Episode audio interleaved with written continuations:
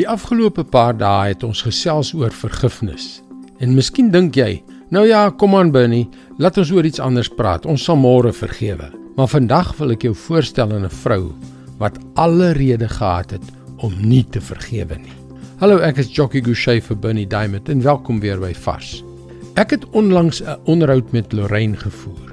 Haar seun is deur 'n dronk bestuurder raakgery en vir dood agtergelaat. As die bestuurder net sou gestop het om te help, sou haar seun waarskynlik vandag nog gelewe het. Maar hy het nie en daarom is hy aan sy beserings dood.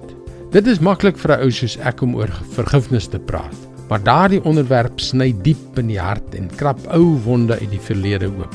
Ek vra jou, wat beteken vergifnis in so 'n situasie?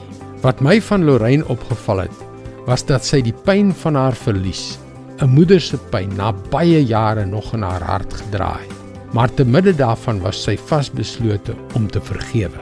Ek het haar sedertdien dopgehou. Die manier waarop sy genees het is so wonderlik. Sy kan nooit verander wat gebeur het nie. Geen vorm van geregtigheid kan haar seun ooit terugbring nie. Maar haar keuse om te vergewe het genesing in haar hart gebring. Jesus het die volgende oor vergifnis gesê. In Matteus 5 vers 43 en 44 staan: "Julle het gehoor dat daar gesê is: jou naaste moet jy lief hê en jou vyand moet jy haat." Maar ek sê vir julle, julle moet julle vyande lief hê en julle moet bid vir die wat vir julle vervolg. Hm, wees lief vir jou vyande en bid vir hulle.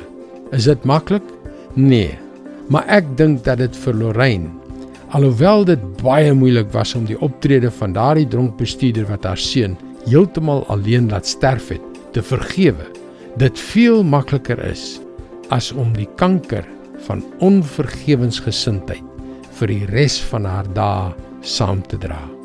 Wees lief vir jou vyande en bid vir hulle. Dis God se woord vars vir jou vandag. Ek kan my nie voorstel waardeur Lorraine gegaan het nie, maar ek weet wat haar geheim was.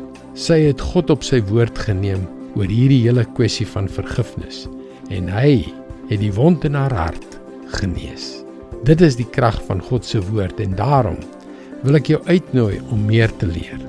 Besoek gerus ons webwerf varsvandag.co.za vir toegang tot nog boodskappe van Bernie Diamond.